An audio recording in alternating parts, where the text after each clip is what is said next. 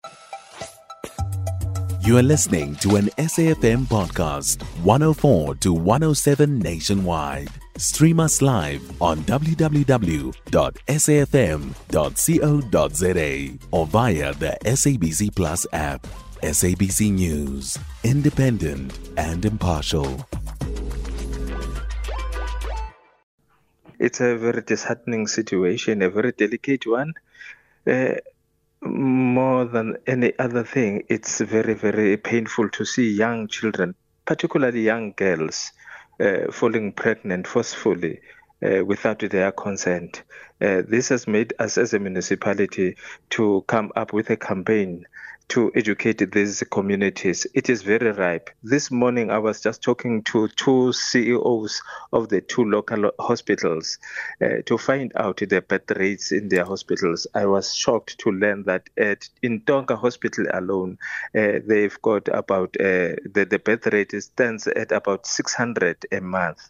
and at Chong uh, at Chongwe it's about 400 a month meaning that there is about a, a thousand but uh, I mean uh, uh, newborns every month but uh, the, the the the, the what makes me to be very worried is that uh, uh, young children teenage pregnancy is one of the key factors to this uh, alarming state of uh, birth rate in Komasi. And when you dig deeper, you will find that these children, these young children, are forced into a, uh, a relationship with older men. Now, b- b- before we get to, to, to the young girls, I want to stay with your stats. How many of these are um, these these births that you've managed to to get stats of uh, as a result of these underage children? Well, it's very they, they told me that uh, uh, 80% are young children. Whew. That makes me to be what that makes us to be very very worried as a municipality. And and but there, okay, continue. Yes. Sir. But uh, there are a number of factors but I do not want to speculate at the moment. We are still looking into that as a municipality. It's very worrying. Let's let's let's talk about those factors because they matter, they are important. Have you visited the area? What are you hearing? Look, uh, we are a munici- we are a cross-border municipality. Uh, that is a fact. Uh, we uh, are bordering Mozambique and Swaziland. Now, amongst other things, it, people are flocking into South Africa.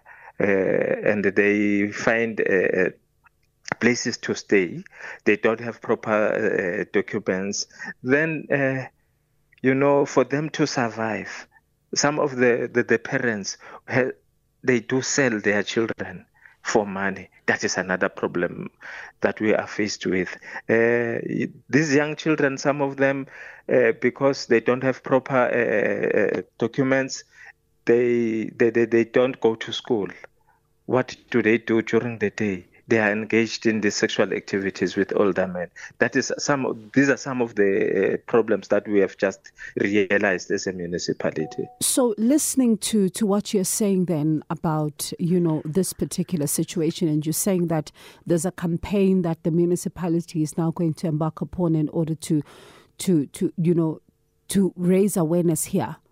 But is it not time for people to be behind bars. These are little children. And you cannot, at a point, be doing this, selling your child. This is a future, as you say, that is now being destroyed. So, shouldn't people be behind bars? Definitely, they need to be arrested. But, yeah, we are trying our best now as a municipality. We it's very very shocking because you know uh, uh Some of these cases are not reported. That is why you find it very difficult, you know, uh, to ensure that these people are behind bars.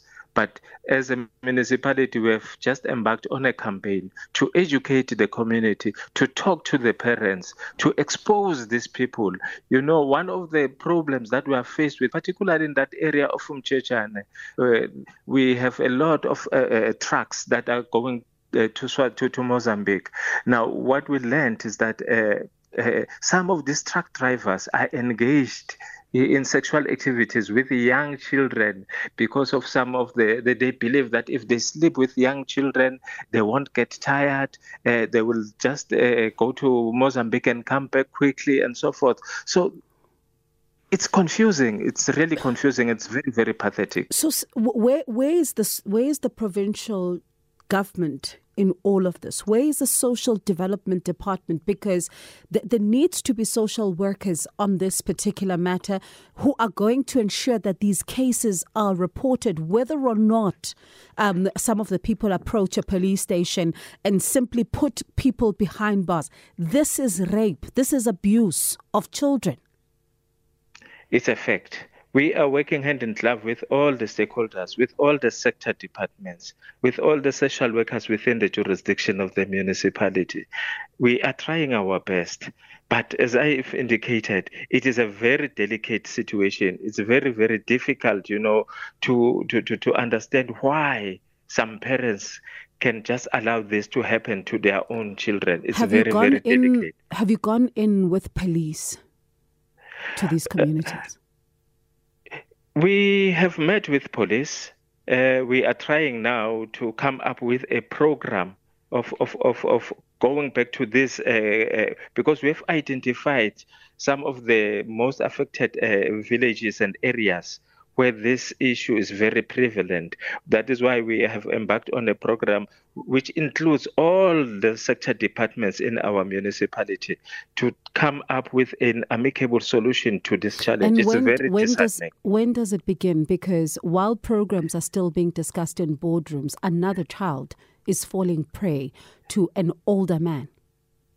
Uh, a week ago, with the executive mayor launched that program together with some of the councillors and uh, uh the NPOs and NGOs.